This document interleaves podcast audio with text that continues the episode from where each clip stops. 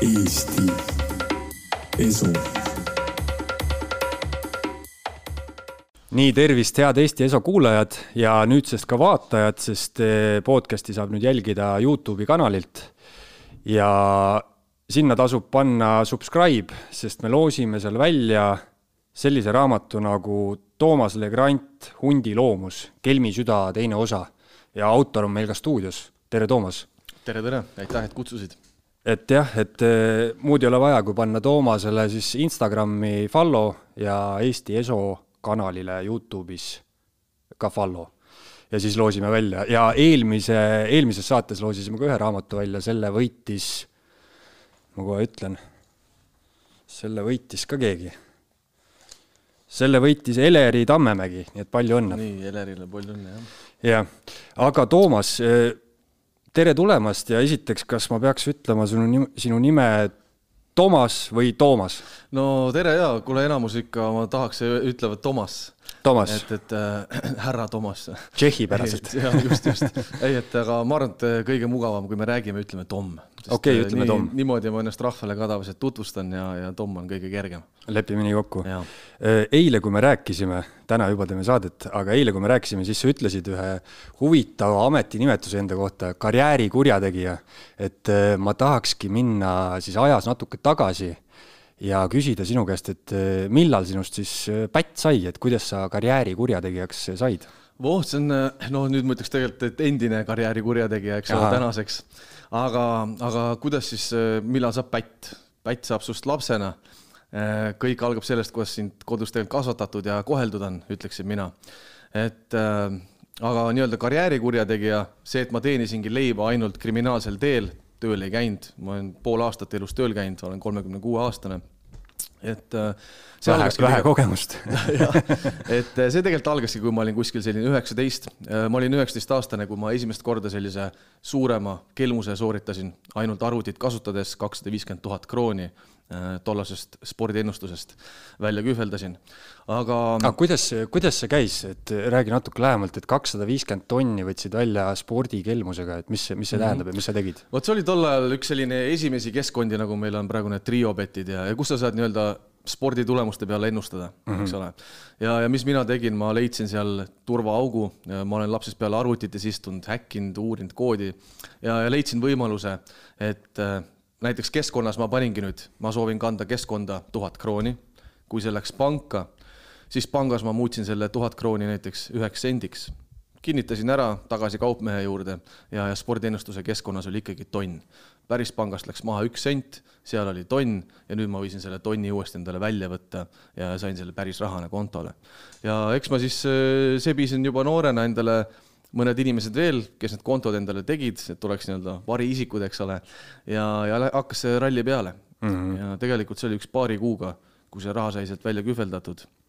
no kakssada viiskümmend tuhat krooni ja sa olid siis üheksateist, praegu oled kolmkümmend kuus, seitseteist aastat tagasi, on ju. et see noh, tollel ajal oli ikka tohutu summa, veerand miljonit. oi, see oli jaa, sest ma olin ju äh,, läksin kõrgkooli, olin paar kuud käinud üheksateistaastane, aasta oli kaks tuhat kuus, palju, ma ei olnudki seda raha kunagi näinud, eks ole, ja oligi see, et eh, esimest korda said seda raha, peitsin seda kodus madratsi alla, pildiraami taha, kus iganes, ma elasin veel kodus vanemate juures mm ja ostsin omale näiteks Playstationi. mul ei olnud kunagi olnud Playstationit, tahtsin, ostsin. Nike'i tossud ostsin, igast muud sellist jura, käisin väljas söömas, kulutasin sõpradega raha lihtsalt, eks ole. ja see on see, kuhu auku see suuresti läks. aga äh, esimest korda ma varastasin üldse teadlikult, kui ma mäletan, ma olin äkki seitsmeaastane mm. -hmm. ja, ja ma olen kasvanud kristlikus perekonnas, mu isa, kasuisa on pastor ja üks hetk varastasin juba kirikukassast. et äh, pühapäeviti kõik teavad enamasti, et kirikus ju pannakse nii-öelda ohvriandi viiakse, eks ole, pannakse raha sinna karpi ja, ja mina siis äh, vastupidi võtsin sealt seda raha mm. -hmm. tol ajal muidugi ütlesin, et ma tegin seda selleks, et mul kodus ei anta taskuraha, ma tahan ka endale saada midagi lubada kui ei ole, tuleb võtta, kannatama ei jää, eks ole, ja, ja sealt see lumepall hakkas tegelikult veerema see on, see on huvitav, et, et sa mainid, et, et pätiks sa said juba, on ju, on ju nii-öelda kodusest kasvatusest, aga, aga nüüd sa räägid kristlikust kasvatusest, et mm -hmm. mõned, mõned inimesed, keda ma olen elus kohanud, kes on nii-öelda noh, panevad hullu, on ju, need on tulnud kristlikest peredest, et kas see on siis nagu selline paradoks, et et ütleme, et sul lapsepõlves keelatakse tohutult või, või sa elad, on ju, mingisuguse moraaliõpetuse järgi mm, -hmm. aga, aga siis nagu sa nagu nii-öelda talleke saad kuradi karjamaale, on ju, et siis sa hakkad hullu panema.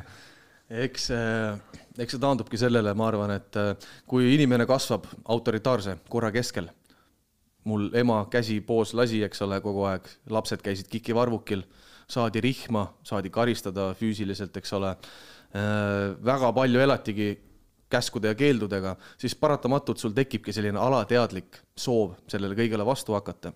ja, ja see on täiesti tavaline muster. mis mina alati ütlen, kristlikest peredest tulevad kahte tüüpi inimesed. esiteks, see kas murrab sind, eks ole, või siis sa hakkad sellele vastu. mina olin see, kellest sai mässaja ja, ja vastupidi, näiteks meil on neli last peres. see on minu arvamus. teised nii-öelda murdusid selle surve all nemad arvavad, et ema ei teinud kunagi midagi valesti, siiamaani käivad kirikus ja nii edasi. et äh, aga, aga sealt see mässumeelsus nagu algas ja, ja ühtepidi võib öelda, see on väga primitiivne öelda, et äh, oi, et sa hakkasid mässama lihtsalt mingi korra vastu, eks ole. aga, aga see on lapse alateadlik äh, soov ikkagi saada märgatud, jääda ellu, eks ole, panna ennast maksma. et äh, niimoodi see asi algas mu jaoks ja, ja see ongi veider. lapsevanemad äh, väga tahavad, et nende lapsed oleks mingit teatud nägu, väga tihti oma mingite vajakajäämiste tõttu, eks ole. ja, ja meie peres oli sama asi, et pealtnäha pidi kõik alati korras olema. ja, ja ma kasvasingi üles niimoodi, et ma tegelikult täielikult võõrandusin oma perekonnast just selle tõttu, et üks hetk, kui ma otsustasin, et ma olen karjääri kurjategija, teenin leiba ainult kelmusi sooritades, siis mul ei ole väga vaja oma perega suhelda, sest seda ei kiidetud heaks nagunii. minu valikuid kunagi ei kiidetud heaks et äh, milleks siis seda näitemängu teha ja ma täielikult lõikasin ennast lahti.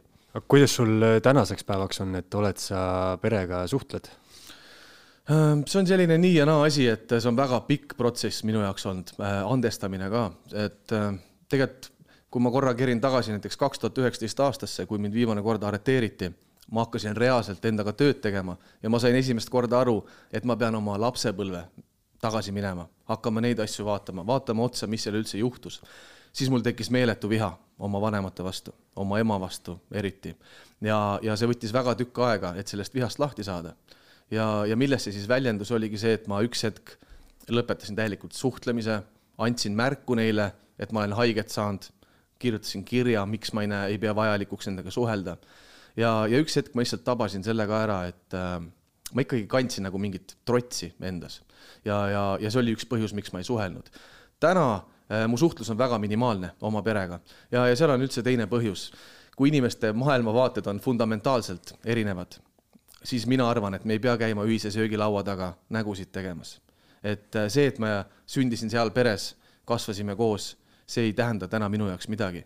veri iseenesest ei ole midagi, perekond, perekond on minu jaoks see, et ma võin rääkida mind aktsepteeritakse sellisena, nagu ma olen, eks ole. aga kahjuks see, see pere, kust mina tulin, seal seda aktsepteerimist pole kunagi olnud. ja mm, -hmm. ja ma olen väga selektiivne nüüd nende inimeste suhtes, kes ma oma ellu üldse lasen, vot selles mõttes jah muidugi, et, et vanarahva tarkus ju räägib, et veri on ikkagi paksem kui vesi, et, et ükskõik, milline su pere on, ükskõik, mis ema tegi või kuidas isa, isa tegi või noh, tol hetkel nad võib-olla arvasid, et nii on kõige õigem, on ju. Mhm. et, et ikkagi pead andestama neile. andestama otse loomulikult, aga see ei tähenda seda, et ma pean nendega suhtlema. andestamine on äh, minu jaoks alati, see on minu enda jaoks.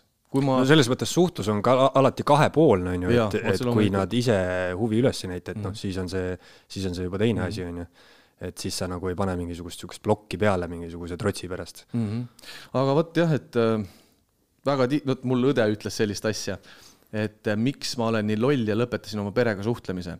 et nemad on ju ainsad, kes tulevad lõpuks mu matustele. Ah, ma ütlesin selle pealt, kui ma surnud olen, mul ükskõik, keegi ei pea mu matustele tulema, see, mis siin oli, mind enam ei huvita, eks ole.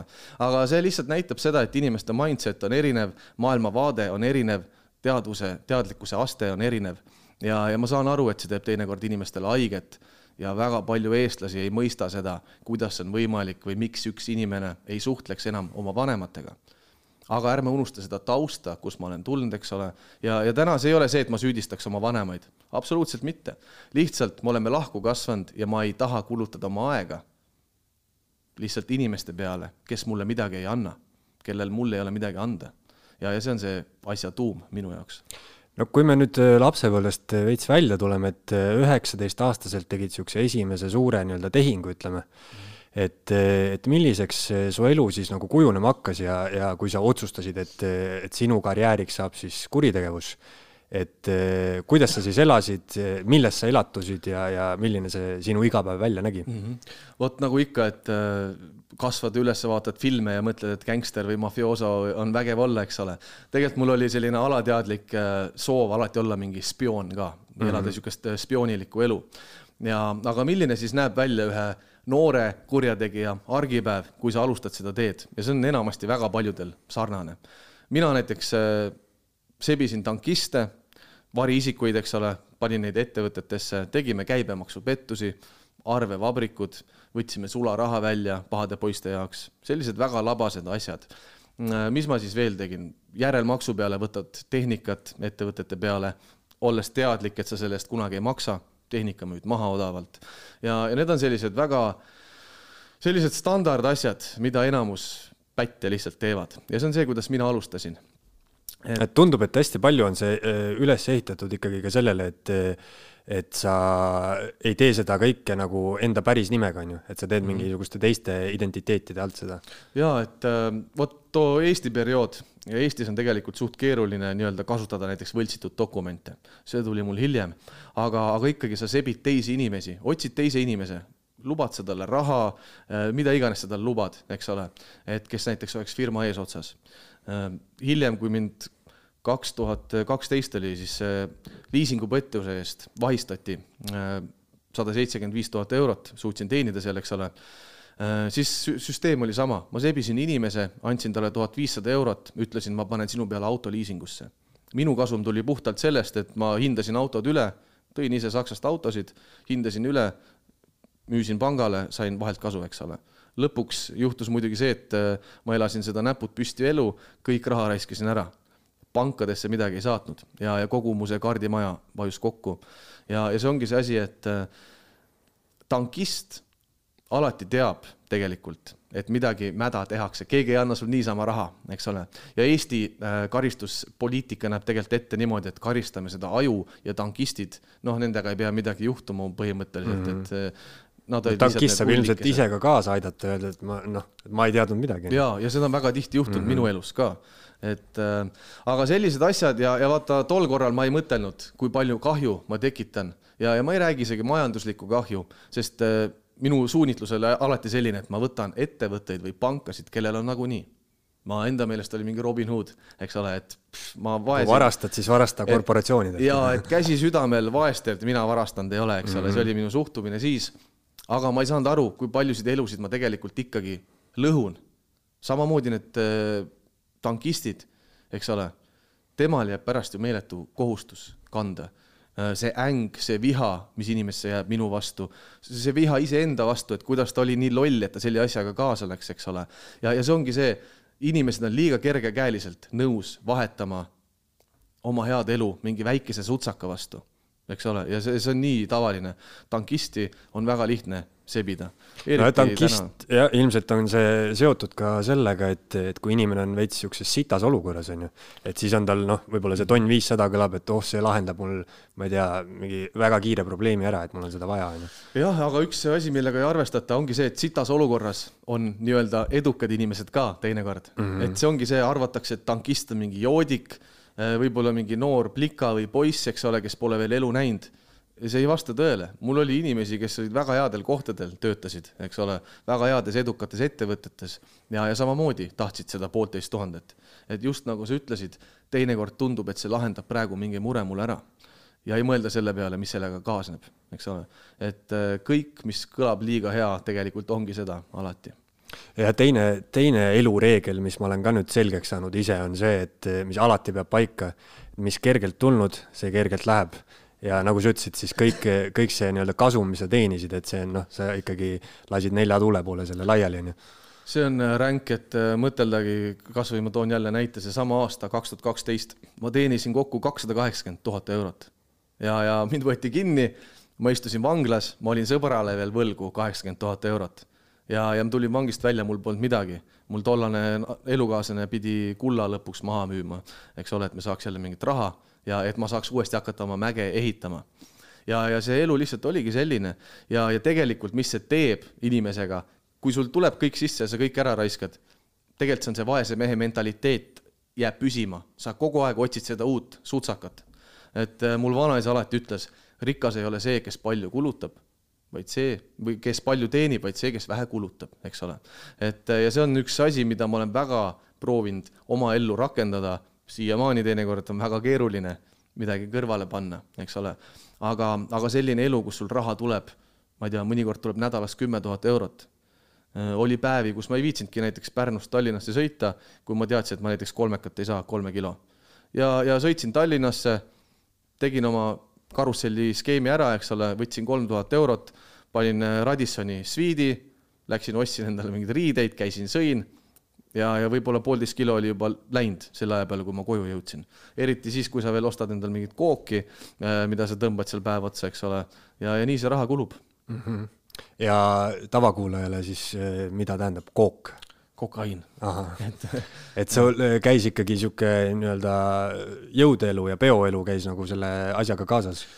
Äh, vot sellist peoelu mul tegelikult ei olnud, aga äh, narkolembus tekib paratamatult. ja tegelikult, miks see narkolembus tekkis, on ikkagi see, et kahjuks me läheme jälle tagasi lapsepõlve. et äh, see ei ole siin mingi äh, narkootikumide vestlus, eks ole. ei, see ei ole teraapiatund. aga, aga ma olen elus väga palju aineid teinud ja üks asi, mis ma tihti nägin, äh, oli see, et ma teen aineid üksinda Mm -hmm. ja mind ei huvitanud peol mingi kommipaugu all tantsimine, eks ole, või mingite lollakatega koos kaklemine. et ma tegin neid asju üksinda ja väga tihti selleks, et lubada endal tunda emotsioone. et ma toon lihtsa näite. Äh, mul, mul oli teinekord selliseid päevi, et vaatasin hommikuli, ma tegin mingid ained ära, läksin voodisse pikali, kuulasin muusikat ja nutsin. ma lubasin endal tunda mingeid emotsioone, mis ma muidu olin nii sügavale kuskile matnud endale, eks ole. ja, ja nii ma mingi aeg tarbisin aineid päris usinasti. ja, ja muidugi millega mind on õnnistatud, on see, et mul ei ole kunagi olnud probleemi alkoholiga selles suhtes narkootikumidest loobumisega, et ma ei ole kunagi olnud selline nalja ja napsi vend. et äh, väga lihtsalt sain neist asjadest tegelikult lahti pärast mm. -hmm. no sa mainisid, et, et mingi hetk siis, kui sind esimest korda arreteeriti ja kui sa istuma läksid, et siis sa olid võlgu, et, et kui kauaks sa esimene kord istuma läksid ja, ja mis tunne siis oli, kui mendid ukse taga olid? Oh, eh, mind arreteeriti niimoodi, et eh, Tallinnast tulid maskid kohale, eh, autoga tõmmati risti ette, härjakari jooksis välja sealt relvade ja maskidega ja, ja järgmine hetk olime asfaldil pikali ja taoti rusikaga näkku, eks ole. et ma ei jõudnud väga reageerida, väga mõtelda. aga vot too esimene arreteerimine, see ei olnudki nagu see kõige hullem asi tegelikult. et tol ajal ma olin nii selles elus sees, ma mõtlesin, see on selle elu osa see on okei okay,, kui et nii sa nii-öelda nagu teadsid, et millalgi see peab tulema? ma olin teadlik sellest, ma olin sellega mm -hmm. arvestanud. väga palju sa näedki vanglas näiteks inimesi, äh, kes on nii šokis sellest, et nad sattusid vanglasse, sest väga paljud inimesed tahavad raha, lähevad libedale teele, aga nad ei arvestagi sellega, et sa võid lõpetada vanglas. mul seda probleemi polnud. enamus karjäärikurjategijaid, päris nii-öelda puntides elavaid mafioosnikuid, mida iganes, nad kõik arvestavad sellega, et üks päev ma satun vanglasse et see esimene arest, see oli nagu nii-öelda istusid ühe jala peal ära, see oli ainult eeluurimiseks pool aastat ja, ja siis mind lasti välja uh,. uurimine kestis lõpuks tegelikult peaaegu viis aastat, nii et kaks tuhat kaksteist aasta teo eest ma sain karistada kaks tuhat seitseteist. Uh, läksin kokkuleppele uh,, pakuti viis aastat tingimisi vangistust viieaastase katseajaga, mis tegelikult seadusest tulenevalt oligi nagu maksimum.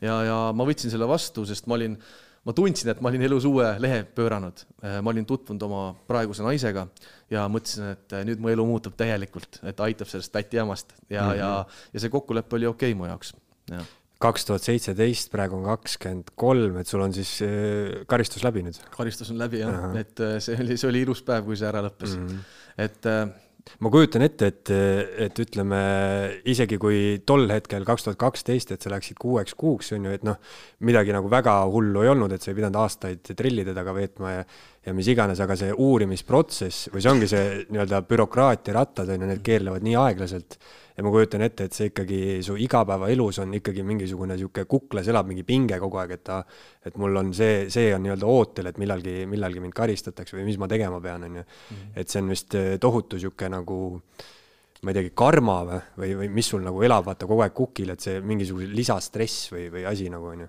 jah, eks ja see on üks asi, mis käib, see ei ole isegi siis tegelikult, et kui sul on uurimine, uurimine pooleli Päti jaoks, kes tegelikult iga päev toimetab või teeb mingit jama. ta elabki sellise pinge all. ma elasin meeletu pinge all kogu aeg, kartes kogu aeg igat politseiautot, äkki täna mind vahistatakse, kartsid, et äkki kedagi on vahistatud, kes räägib su peale midagi, kartsid, et tullakse uksest sisse, kui sa oled, ma ei tea, lapsega koos või naisega koos parasjagu ja, ja see äh, pinev hirm, mille all sa elad kurjategijana, see on meeletu. ja, ja see ongi nii, selles suhtes nagu see on üks asi, millega sa ei arvesta, aga see nii vaikselt tuleb su ellu ja see muutub nii loomulikuks su elu osaks, et üks hetk sa ei saagi aru, kuidas see su halvanud on. näiteks ma ütlen, täna ma, üksikud aastad ma olen tundnud ennast täiesti vabalt nüüd, kus äh, varem ma nägin politseiautot ja mul käis jutt läbi seest, nüüd mul on ükskõik. Äh, mu naisel näiteks siiamaani käib jutt läbi, sest ta oli selle arreteerimise juures ja, ja psüühilise laksu sai selles suhtes ikkagi. aga, aga ma tunnen täna ennast vabalt, sest ma tean, et ma ei ole mingit jama teinud, politseil pole põhjust tulla mind arreteerima mm. -hmm aga enne seda, see on meeletu ja ime siis pole, et inimesed hakkavad äh, tarbima alkoholi meeletult, narkootikume, sest see stress on nii suur inimestel. ümberringi olid mul inimesed, kes olid kõik kogu aeg paugu all, sest nad ei talu seda pinget. Nad võivad öelda mis iganes, et nad on kõvad mehed ja see on kõva elu, aga tegelikkus on see, et sa ei talu seda pinget.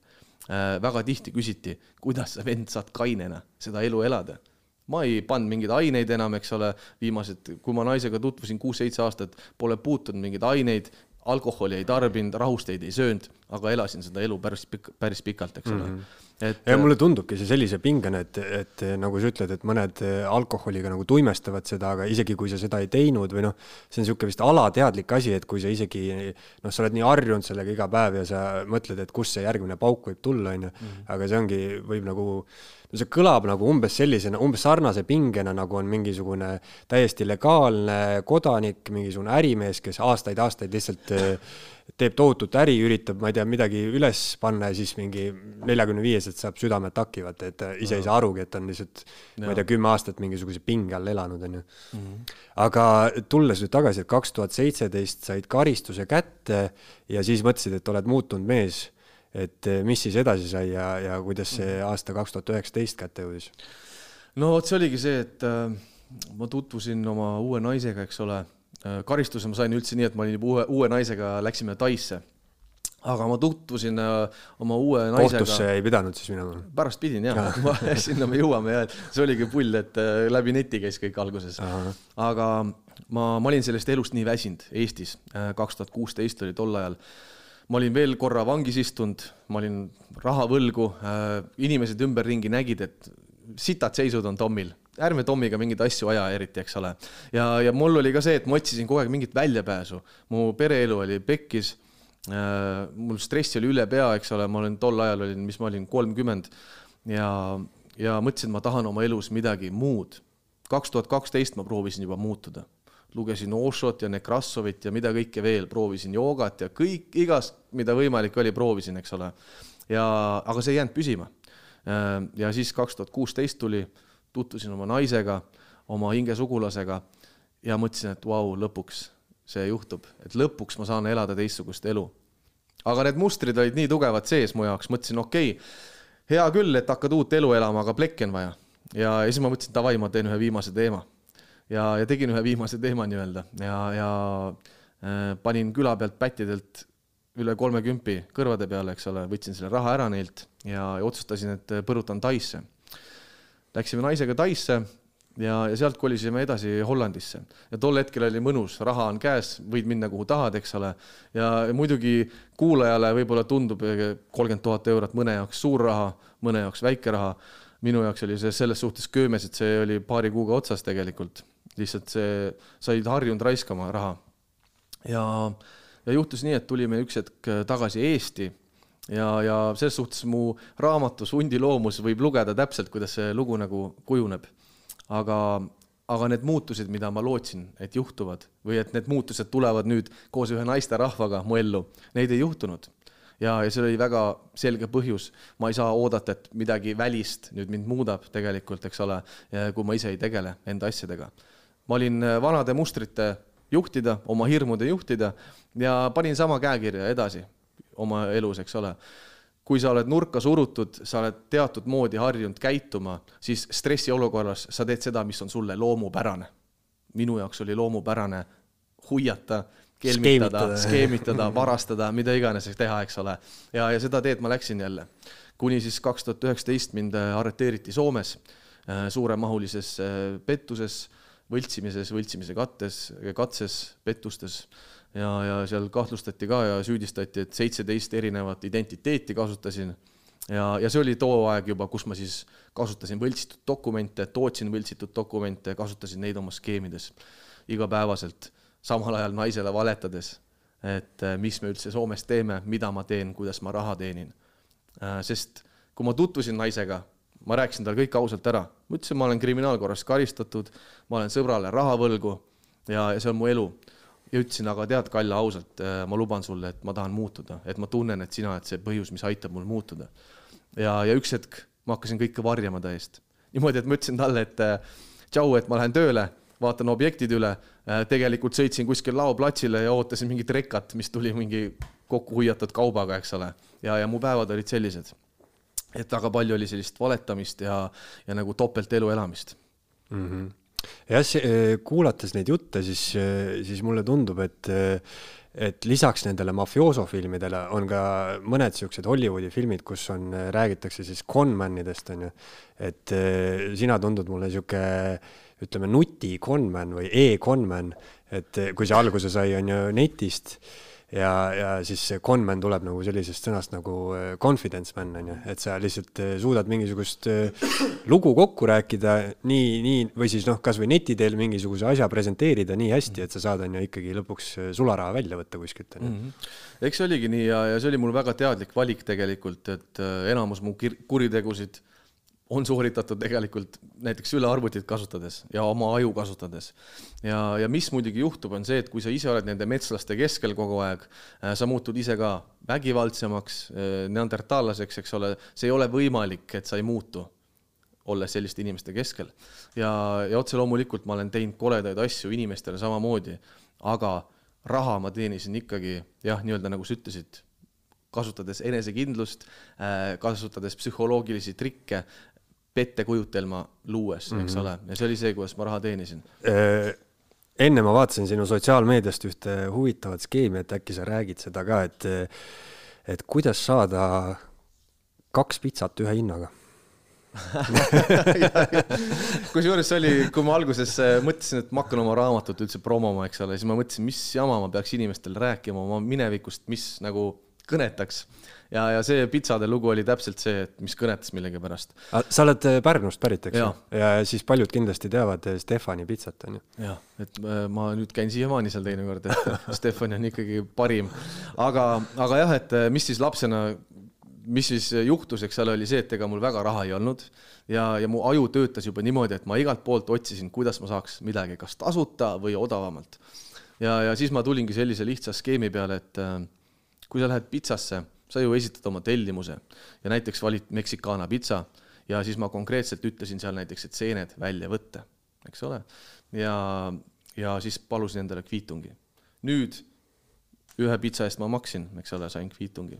ja siis sa tõmbad kõne peale ja tellid samasuguse pitsa, Mexicana, ja ütled, et seened võtke välja kaua aega läheb, et järgi võib tulla, kakskümmend minti, valmis, okei okay,, selge. ja, ja kui sa telefoni teel tellid, siis loogiline on, et sa lähed ju kassasse, ütled tere, ma olen Tom, mul oli pitsa, Mexicana bla, bla, blablabla, pead selle eest maksma. aga minu võti seisneski selles, et pitsa koht, sagimist on palju, keegi ei jälgi neid tellimusi tegelikult ega midagi. ma läksin nüüd ise oma näoga tagasi, näiteks siis kakskümmend minti hiljem, otsisin üles sellesama töötaja, kes mu tellimuse vormistas, ütlesin, hei, Tom olen, kas mu pitsa on valmis ja tal oli see meeles, mis ma tellisin. ja see kviitung, mis ma sain, selle ma andsin nüüd oma sõbrale. ja tema läks lunastas välja selle pitsa, mis me telefoni teel tellisime, lihtsalt selle kviitungiga. vaadati, see on makstud, okei okay,, anti pitsa. ja see oli üks selline lihtne trikk, mida ma kasutasin päris palju seal, eks ole. vot kui ma seda trikki kuulsin, siis mul tuligi see Conmani võrdlus mm, -hmm. et see on niisugune nagu hea olukord, kus sa kasutad lihtsalt ära äh, noh, mingisugust äh, olukorda, on ju, et sa mhm. tead, et, et pitsarestoran on kiire, on ju, nagunii seal keegi väga ei süvene, neil on palju tegemist, on ju, aga noh, ütleme tavainimese jaoks on see, on see, ma kujutan ette, et sul hakkab, äh, kui sa üritad seda teha, sul hakkab süda puperdama, et mm., et appikene, et noh, et nüüd ma jään vahele või nad teavad, on ju. aga et siis Conmani jaoks või noh, vähemalt sa oled või yeah. sa oled suuteline selle riski võtma, on ju ja noh, tegelikult, mis siis ikka juhtub, kui sa selle ühe pitsaga vahele jääd? no selle kohta ma võin rääkida ühe, ma räägin ühe absurdiloo jälle. et äh, teine video, mis ma tegin, oli see ju Prisma kilekoti video, ma ei tea, kas sa seda seda ma ei näinud. ma olin ju Soomes ja ükskord mul sõber küsib ka, et äh, kuidas sa nii nagla oled, kui ma olin täielik kleptomaan, ma ütlen ausalt, lapsest peale kogu aeg varastanud poest, pole kunagi vahele jäänud ja, ja ta ütles ka, et kuidas sa nii nagla oled, et sa julged varastada poest, et kas sul häbi ei oleks, kui sa vahele jääksid. ja ma ütlesin, mille pärast mul nagu häbi peaks olema, et ma olen võõras riigis, keegi ei teagi siin mind aga, aga Soomes Prismades ma näiteks käisin kogu aeg niimoodi ja, ja mul tulid Rumeeniast sõbrad külla, kes olid enda arust ka mingid kõvad vargad seal, läksid poodi varastama. Nemad jäid vahele ja siis ma ütlesin neile, et ma näitan teile, kuidas varastatakse. ja minu tehnika oli see, et ma läksin Prismasse, võtsin korvi, korvi sisse tegin lahti Prisma kilekoti. Kõik kallid asjad panin kilekotti ja, ja odavamad asjad korvi. kui ma läksin kassasse, ma võtsin selle kilekoti sealt välja, hoidsin seda lihtsalt käe vahel, ülejäänud asjad laon kassasse, vaatan kassapidajale otsa maksan oma arve ära, ütlen aitäh ja pakaa, eks ole. ja see töötas alati, see on jälle see enesekindlus. vot see on täpselt eh, olukord, kus eh, kindlasti on paljud eh, näinud mingisugustes väikestes Eesti poodides, kus tuleb mingi tädike tuleb sisse, onju, tal on seesama mingi kilekott, poe kilekott on käes, onju, siis tal võib olla seal kasvõi mingisugune üks banaan, ta läheb, otsib selle turvamehe üles, ütleb, näe, mul on varem ostetud, enne kui ta sisse ja, läheb, onju, et tal on noh, tal ei ole vaata sellist, sellist nagu ja, just. ütleme, pisikut sees. et ja see on see taandub kõik tegelikult äh, psühholoogiale ikkagi ja see enesekindlus mängib nii suurt rolli selliste asjade juures, skeemitamise juures. et äh, mul ükskord oli juhus, ma ladusin reaalselt endal mingi koti täis ja ma läksin Prisma töötaja juurde, kes seal oli, ma andsin kilekoti tema kätte, ütlesin, ma unustasin mõned asjad osta, hoia palun seda. ja ta hakkas naerma, ütles, et ega siin pommi ei ole, ma ütlesin, ei ole pommi. ja ma tulen, võtan selle kilekoti tagasi. Läksin, ostsin oma banaanid, maksin banaanide eest ja ta ise andis selle koti mulle siis kaasa.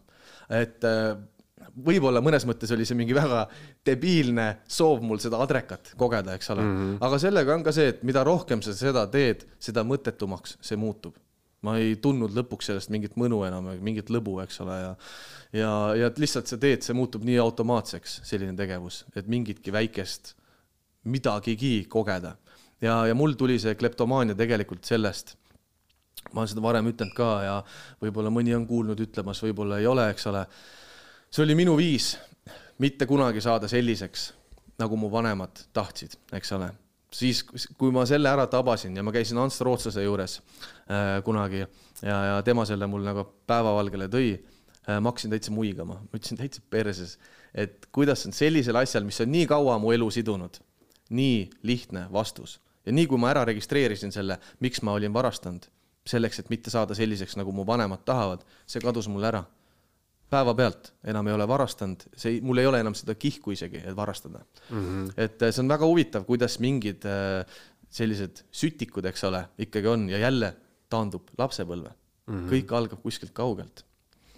et äh, kui me nüüd tuleme tagasi selle kaks tuhat üheksateist juurde, et sind vahistati Soomes ja, ja noh, sellest on tegelikult no põhimõtteliselt kolm aastat möödas, on ju, et äsja oli aastavahetus et, et mis siis nagu tol hetkel või, või mis see nagu lõplik, see piiskarikas oli, et sa mõtlesid, et nüüd ma enam nagu niimoodi ei ela?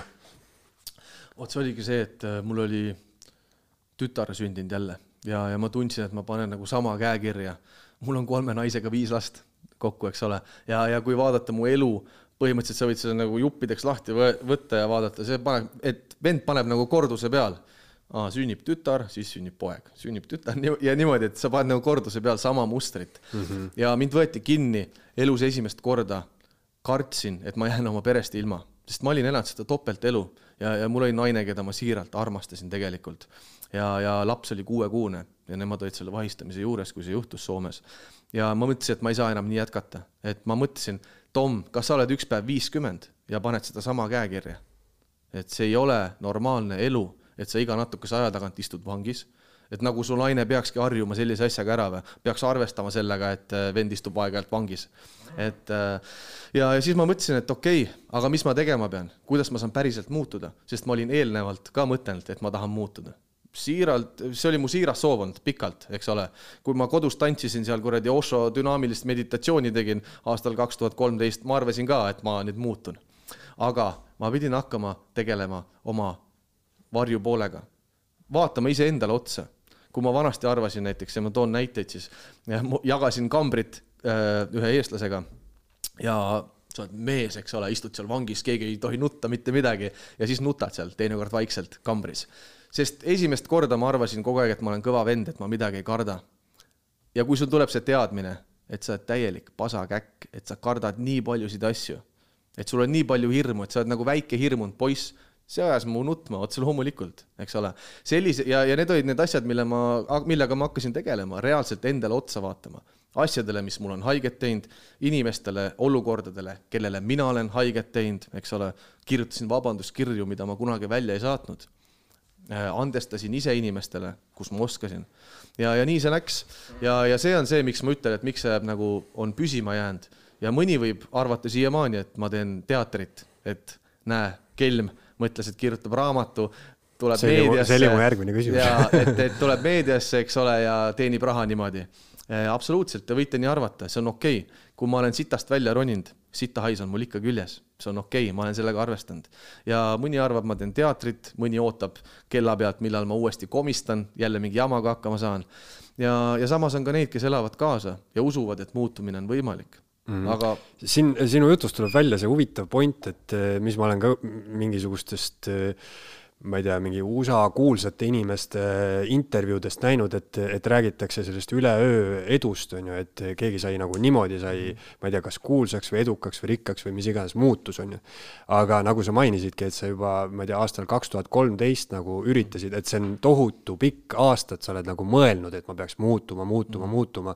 et see on sul nagu kogu aeg, noh, samamoodi nagu see pinge ilmselt on kogu aeg nagu kuklas olnud, et see ei ole päris õige elu, on ju et siis nagu noh, alles aastaid hiljem on ju, et sa jõuad selleni, et see päris niimoodi ei ole, et et nüüd sul juhtus see Soome vahistamine, siis nagu sekundi pealt oli kõik nagu täiesti mm. teine. see, inimesed, kes ootavad neid üleöö muutusi ja, ja arvavad ja eeldavad, et need jäävad püsima, siis äh, siin on kerge äratus teile, äratuskõne. püsivad muutused tekivadki aeglaselt, eks ole, see on täpselt sama, kui inimene, ma ei tea, teeb dieeti peab dieeti, midagi üleloomulikku, ebaloomulikku kava jälgib, eks ole. Sa võib-olla võtad kaalust alla, aga varsti sa kukud sinna samasse auku tagasi, sest see ei tule loomulikult, selline elurütm, selline söömine, eks ole mm. -hmm. ja, ja muutustega ongi minu jaoks samamoodi. väga kaua pärast seda, kui ma olin otsustanud, et ma enam ei varasta, äh, ma ei suhtle pättidega, ma ju lõikasin kõik inimesed oma elust ära, jäin täiesti üksinda selles suhtes. Äh, väga kaua oli mul see kihk minna ja teha mingi teema sellepärast et see oli mul sisse harjutud muster, raha pole, tekib hirm hakkama saamise eest, aga sa ju oskad raha teha, mine tee nii nagu vanasti. ja, ja need muutused võtavadki aega, päris muutused võtavad sitaks aega, teinekord sa komistad. ma ei tea, võib-olla mõni mees on ka pornost sõltuvuses, eks ole kõik noored poisid on sent toksinud, eks ole, ja, ja võib-olla mõnel läheb see üle käte ja ta mõtleb, tahaks pidurit panna see ei ka juhtu teinekord üleöö. kui sa oled harjunud mingit asja tegema, ihadele järgi andma, eks ole, siis sa pead ennast treenima samamoodi tasa ja targu, et sa sellest lahti saad. enamus inimeste probleem on see, eh, kus ka mina ise olen eksinud eh, või minu enda probleem, ma ei räägi teistest, ma räägin ainult endast, oligi see, et ma mõtlesin, ma muutun, eh, mingi hetk eksisin nii-öelda iseenda vastu ja mõtlesin, sitta sellega, panen vana rada edasi mm, -hmm. see on mul mhm. veres, ma olengi selline, eks ole. selle asemel, et öelda, et juhtus ja lähme edasi samamoodi, nagu me oleme otsustanud, eks ole. üldiselt minul on näiteks hästi raske uskuda, et inimesed muutuvad. et ma usun, et, et nad saavad enda käitumismustritest aru ja nad suudavad nagu sellega elada. no umbes sarnane teema, vaata nagu räägivad mingid tohutud alkohoolikud, et, et ma, kes on kaineks saanud, on ju.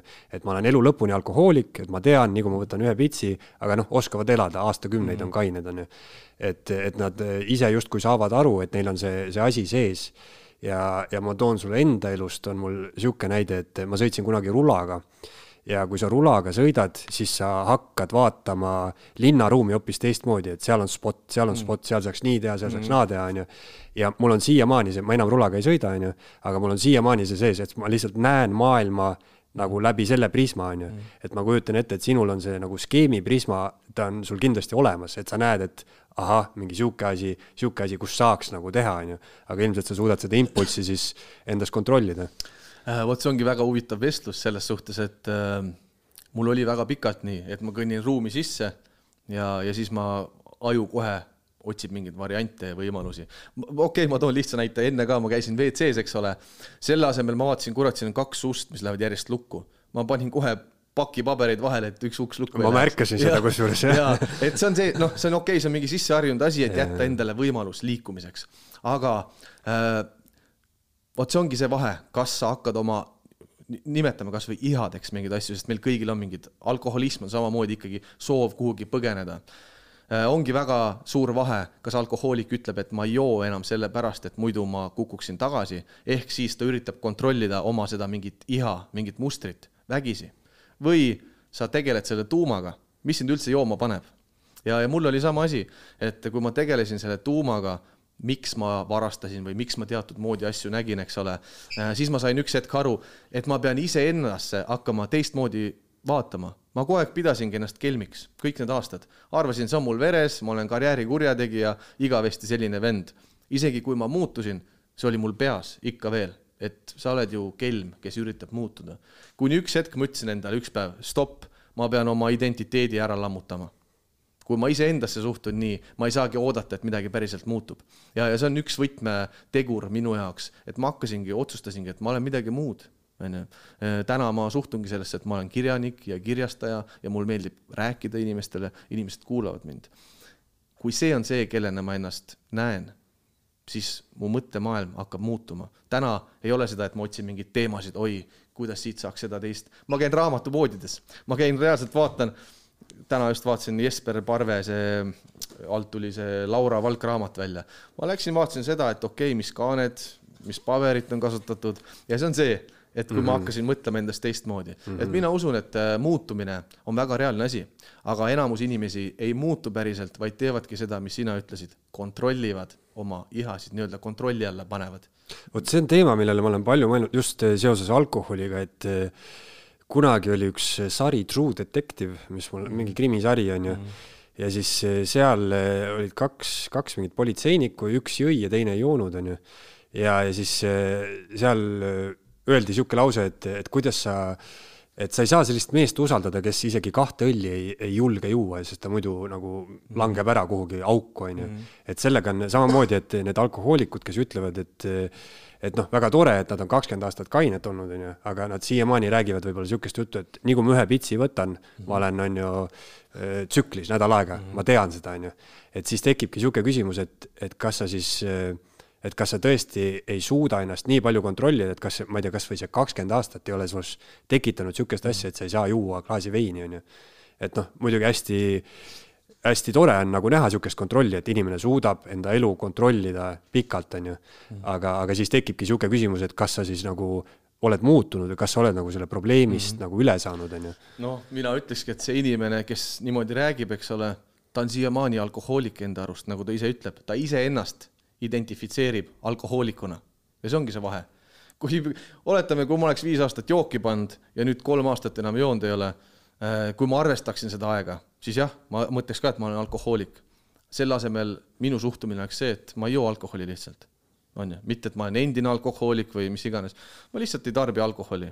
ja, ja see ongi see, see taandub kõik mindset'ile ja, ja see tuleb minu jaoks nii selgelt välja, joonistubki nende inimeste puhul, nad ise siiamaani hoiavad ennast selle probleemi küüsis.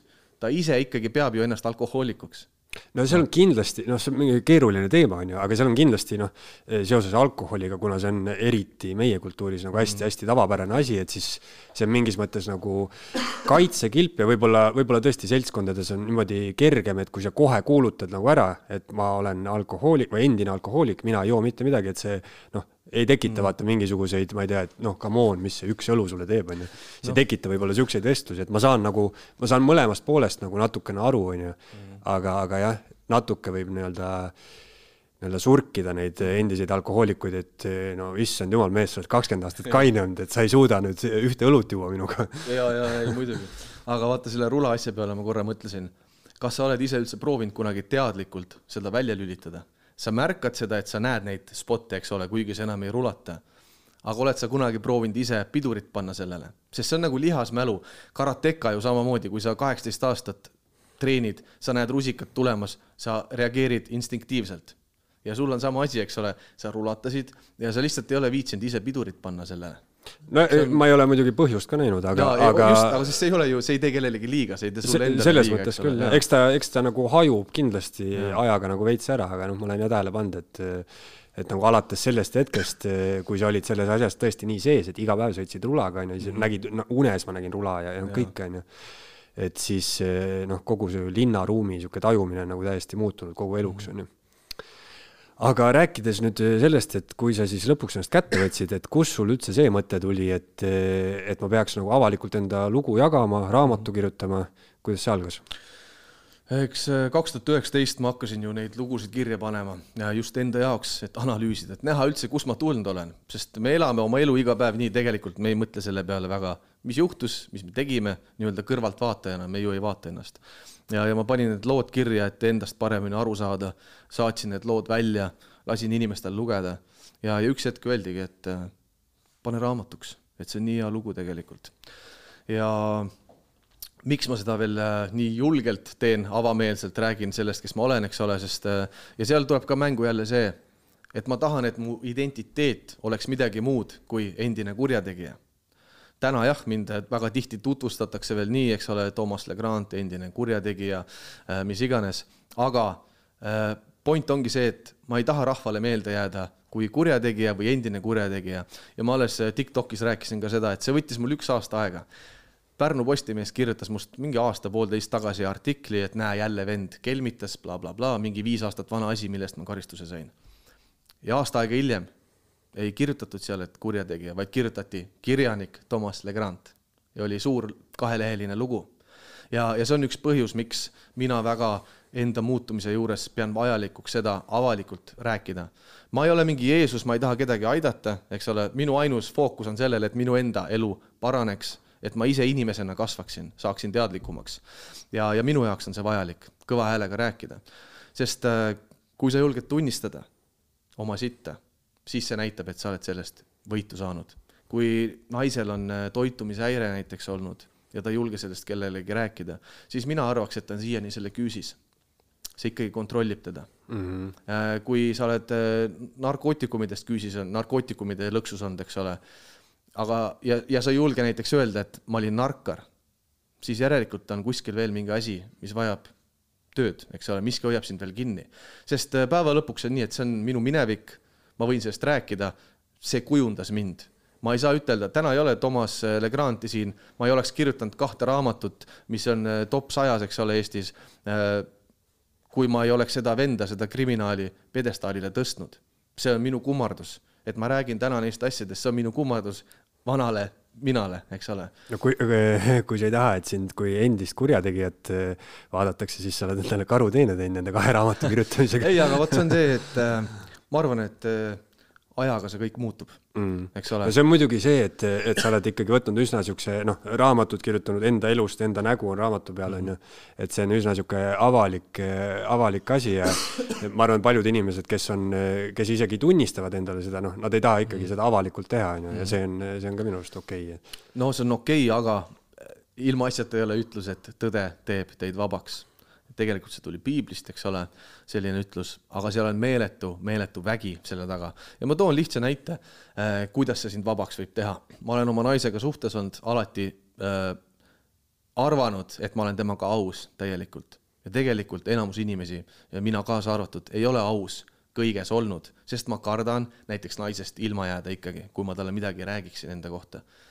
nüüd meie suhe on sellisesse staadiumisse liikunud, kus ma võin olla aus ilma hirmudeta kõike rääkida, mida ma mõtlen, mida ma olen teinud, mis iganes, eks ole, mis puudutab meie igapäevaelu.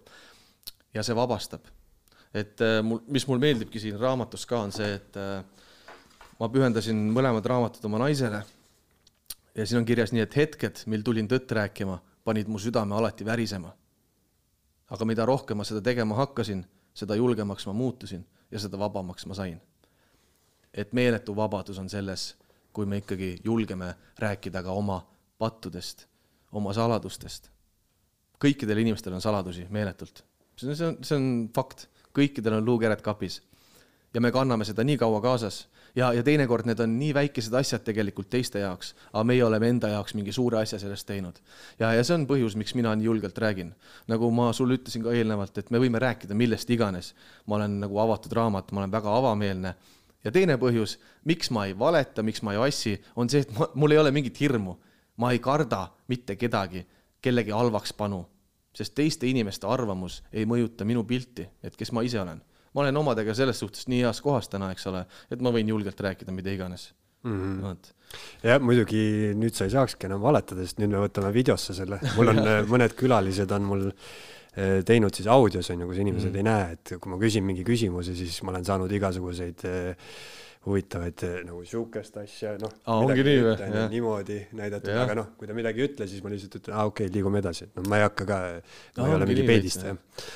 aga hästi palju sa räägid enda naisest, et kui sa ei oleks temaga kohtunud, siis sa oleks ikka kelm. tõenäoliselt. võib-olla istuksin pikka vanglakaristust. Äh, võib-olla oleksin surnud, sest tead, ma ütlen ausalt, see seitse aastat, kui ma olen naisega koos olnud, ma arvan, viis-kuus inimest on ümberringi ära surnud. mul nagu, kes on üledoosis saanud mis iganes on juhtunud, kes pussitati surnuks, kes mürgitati surnuks, eks ole.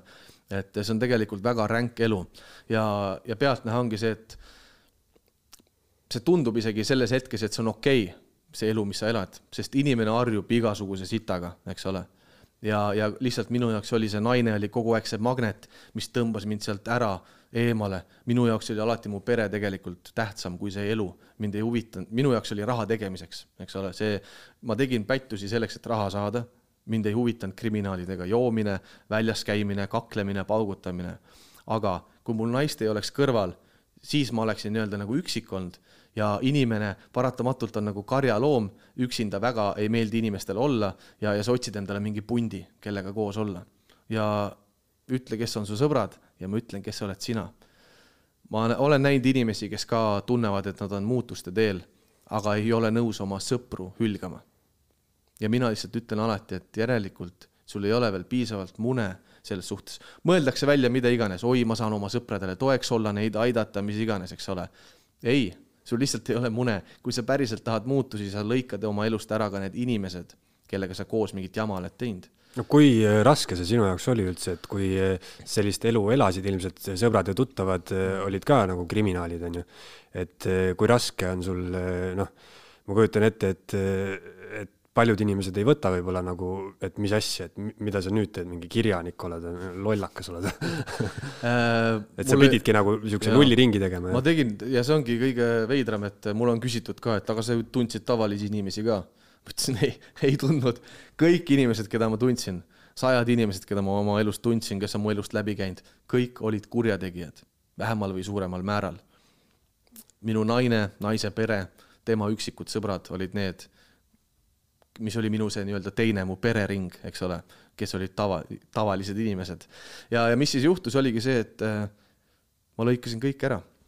ja see oli väga raske juba sellepärast, et see oli mu turvavõrk see oli ju see, kuidas ma olin elanud, kuidas äh, ma tundsin end tegelikult hästi ikkagi, kuidas mul oli võimalik raha teenida, kui mul on probleemid, ma saan inimestele helistada, mis iganes. ja, ja nüüd seda ei ole, nüüd sa oled täiesti üksinda siin maailmas ja, ja üksinda olek on see, mida on inimesel tegelikult vaja, kui sa tahad hüppesse minna, kui sa tahad päriselt areneda oma elus kuskile liikuda. ja, ja oligi nii, ma lõikasin kõik ära mõni hullukene käis pikka aega mulle peale, aita mind, teeme mingi teema, lihtsalt aita mind, mul on vaja abi, mida iganes, eks ole. ja ma väga kaua pidin blokeerima, kuni lõpuks see taandus ise, nad nägid, et päriselt Tom enam ei tule sellesse ringi tagasi. ja alles eile nägin ühte head tuttavat, ma ei olnud aastaid teda näinud ja ta just küsis mu käest, et noh, no ta ise on niisugune kõva bandiit siiamaani vist, eks ole. ja, ja ta küsis ka, no kuidas raamatumüük läheb, vaata, et kas plekk ikka tuleb ja, ja soovis selles suhtes mulle edu. et äh, muidugi on inimesi, kes ei mõista seda ja, ja tolle elu seaduste järgi ma käitungi võib-olla valesti mõne jaoks, et räägin neid lugusid ja nii-öelda noh, ma ei ole otseselt ju nimesid siia pannud. aga väga paljud inimesed võib-olla tunnevad ennast ära ja tunnevad ennast puudutatuna sellest. Aga neile ma ütlen lihtsalt niimoodi, et äh, olge õnnelikud, et olete mu raamatus, et järelikult te olite olulised inimesed mingis, mingis, mingis mõttes mu elus, eks ole aga, aga pigem on head soovitud, isegi nende inimeste poolt, sest sellest elust samamoodi kõik väsivad. kõik otsivad väljapääsu. ma arvan ka, et, et kui sa oled selles mõttes nagu mõistlik inimene, siis igaüks tegelikult noh, saab aru, et, et noh, see pinge võib-olla ei ole seda väärt mingi hetk, on ju. Et teine asi on tõesti mingisugused psühhopaadid, kellel noh, on mingit null emotsiooni, et mm. siis need võivad panna sajaga. aga võid sa siis nüüd kindlalt täiesti öelda, et sinust enam kurjategijat ei saa?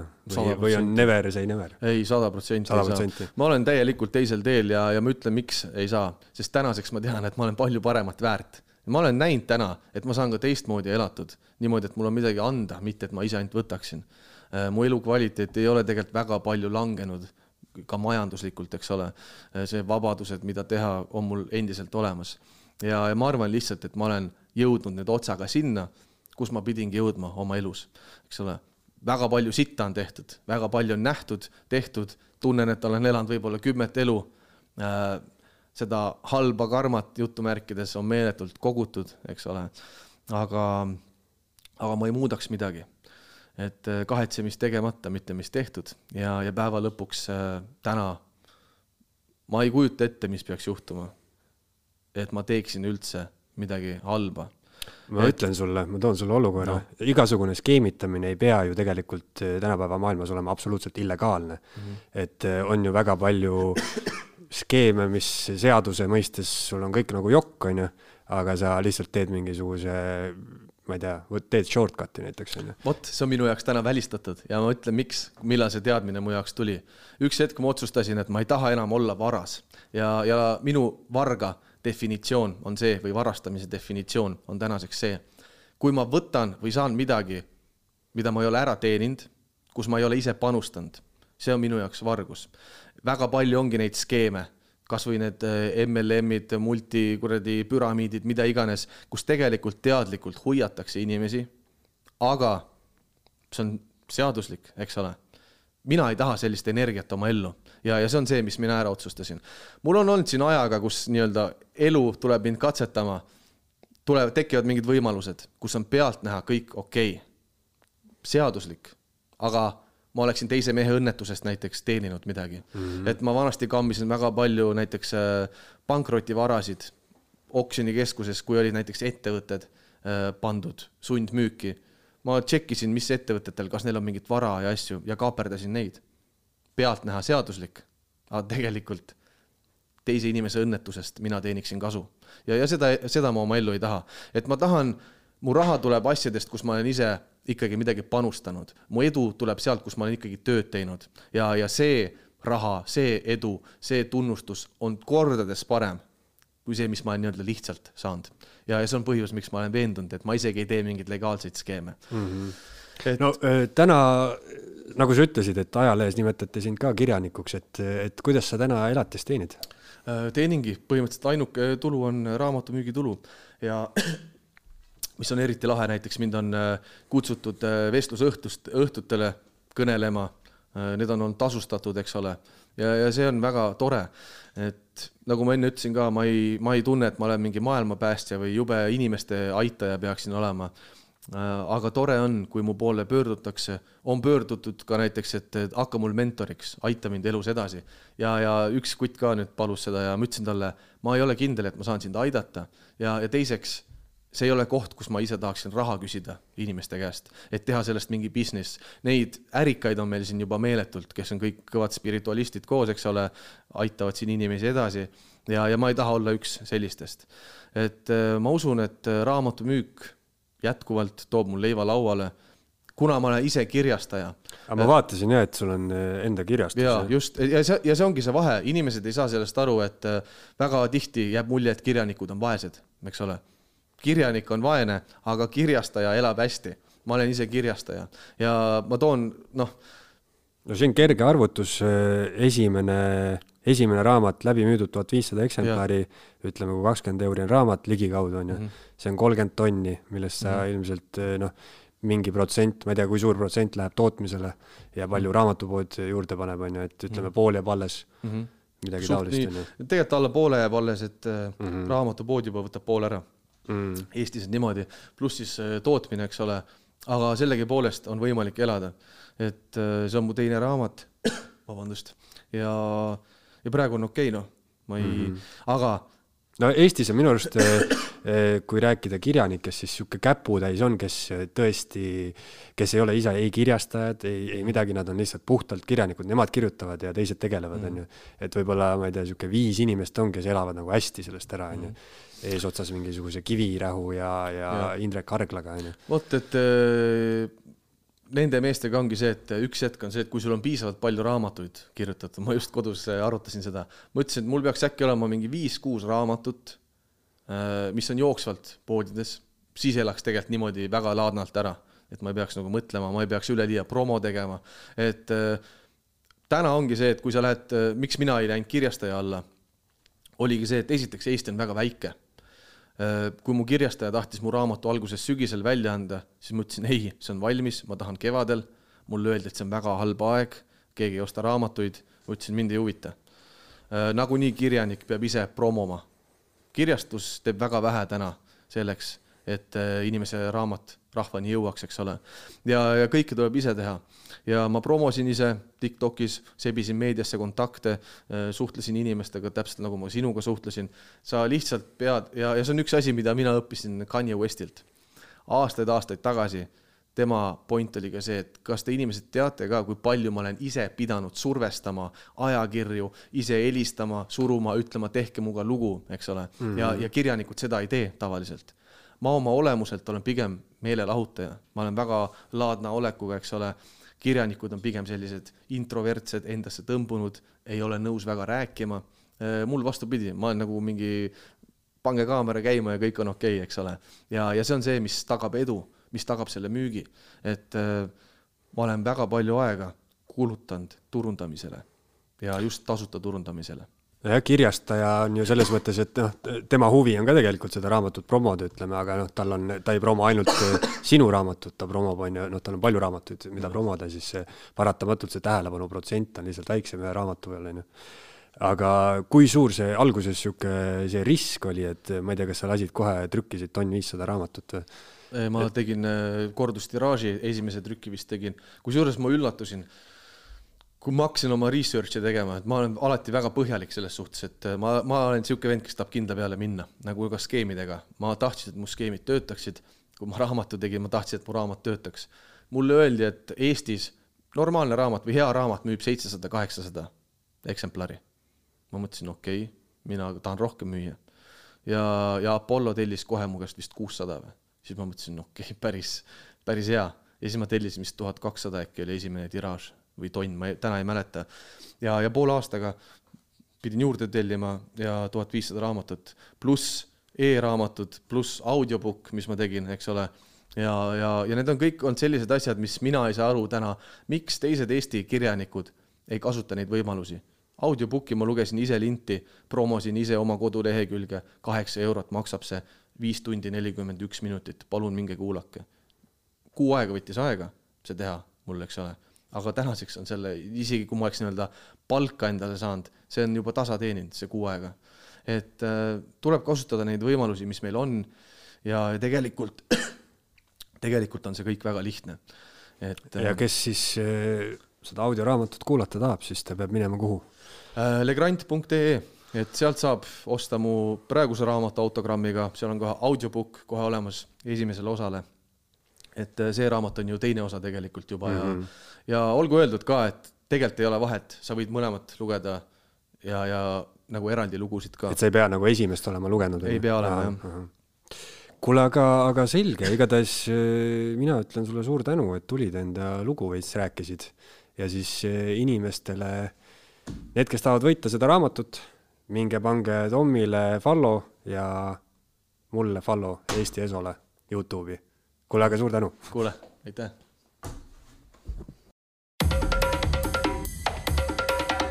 Eesti Esu